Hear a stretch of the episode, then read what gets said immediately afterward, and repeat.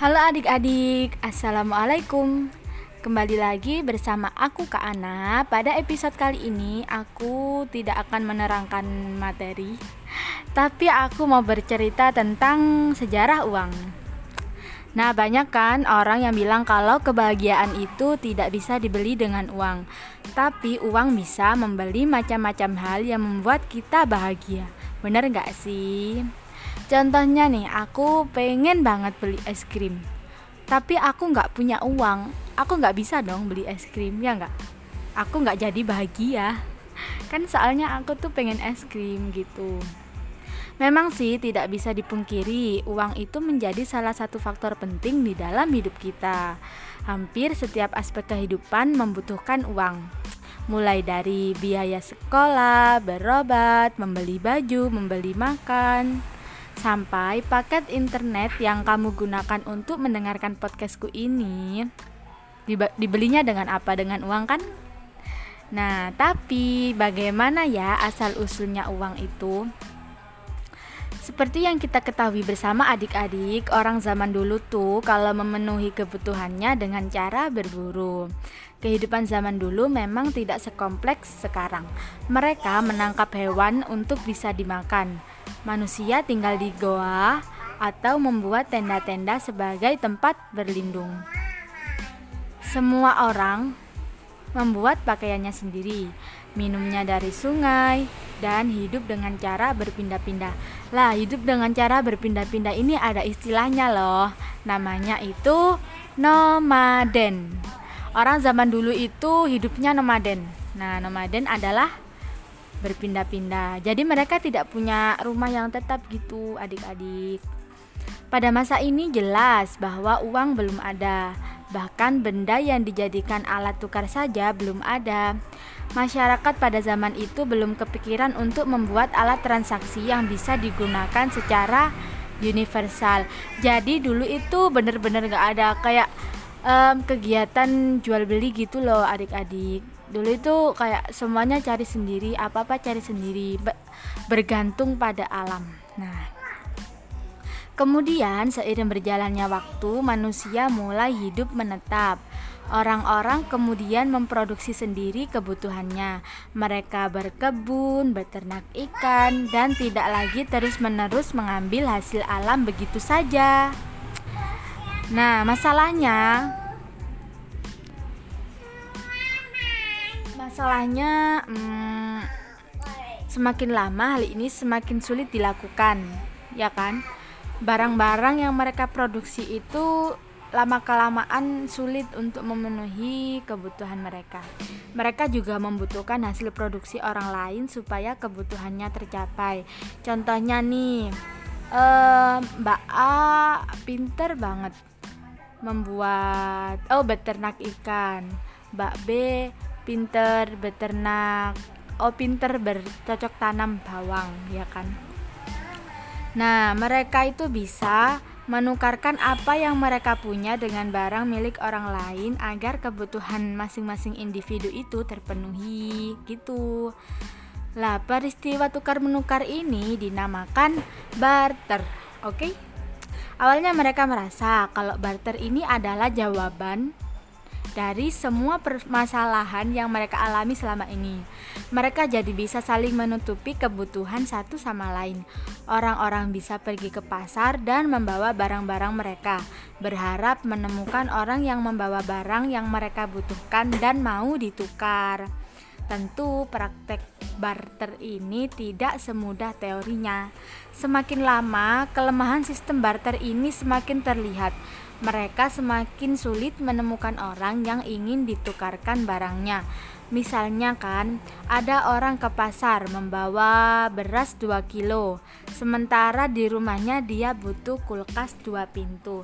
Nah, susah kan kalau menemukan orang yang punya kulkas 2 pintu dan mau ditukar dengan beras 2 kilo. Kalau misalnya beras 2 kilo dijual dijual gitu kan hasilnya kan nggak sepadan kalau hasilnya itu nggak cukup kalau buat beli kulkas dua pintu yang nggak adik-adik Nah, alhasil orang tadi gagal memenuhi kebutuhannya akan kulkas dua pintu kan kasihan. Hal ini merupakan kelemahan dari sistem barter. Demi mengatasi masalah ini, akhirnya manusia berpikir dan memutuskan untuk membuat alat tukar dari barang-barang tertentu. Bangsa Romawi misalnya, pada akhirnya menjadikan garam sebagai alat tukar di masanya. Bener nggak sih?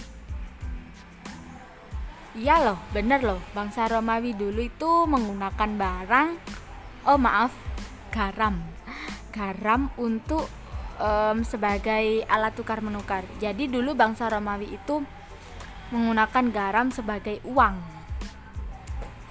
Kalian mungkin berpikir emangnya garam berharga banget ya atau untuk beli sapi satu itu membutuhkan berapa gram garam ya kan?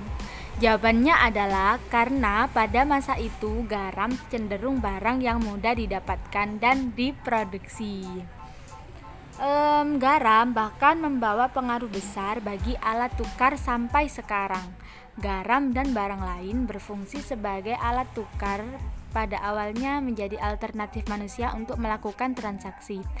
Namun masa kembali Maaf, namun masalah kembali ditemukan. Barang-barang ini tidak punya daya tahan yang cukup lama, adik-adik ya kan? Garam itu kalau didiemin lama-lama kan jadi kayak mencair gitu nggak sih ya kan?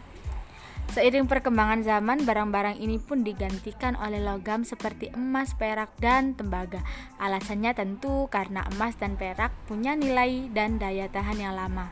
Alat tukar ini dinamakan uang barang.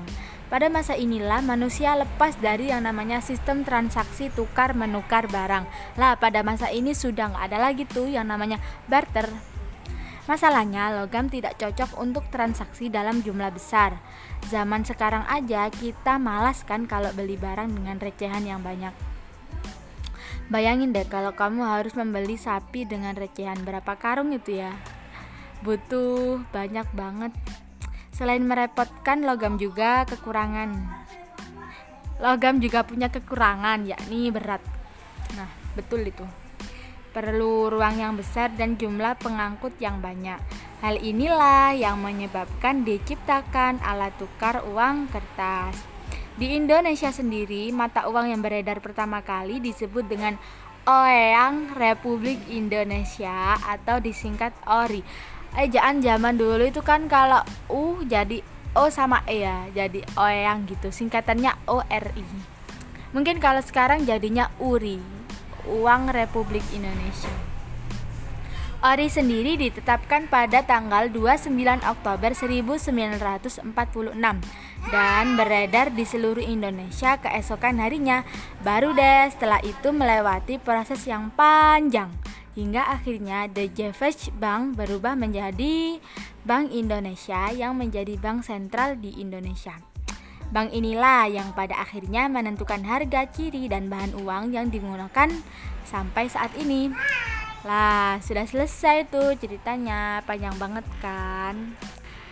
Semoga dengan adanya podcast ini kalian jadi lebih mudah memahami bagaimana sejarah uang. Ya sudah sampai itu aja adik-adik Semenjak saat itu, semenjak disahkannya Bank Indonesia tadi Sudah diciptakan uang-uang kertas Manusia jadi lebih mudah untuk bertransaksi Dan bisa memenuhi kebutuhannya masing-masing Oke cukup dari aku Semoga hari kalian menyenangkan. Have a nice day. Wassalamualaikum warahmatullahi wabarakatuh.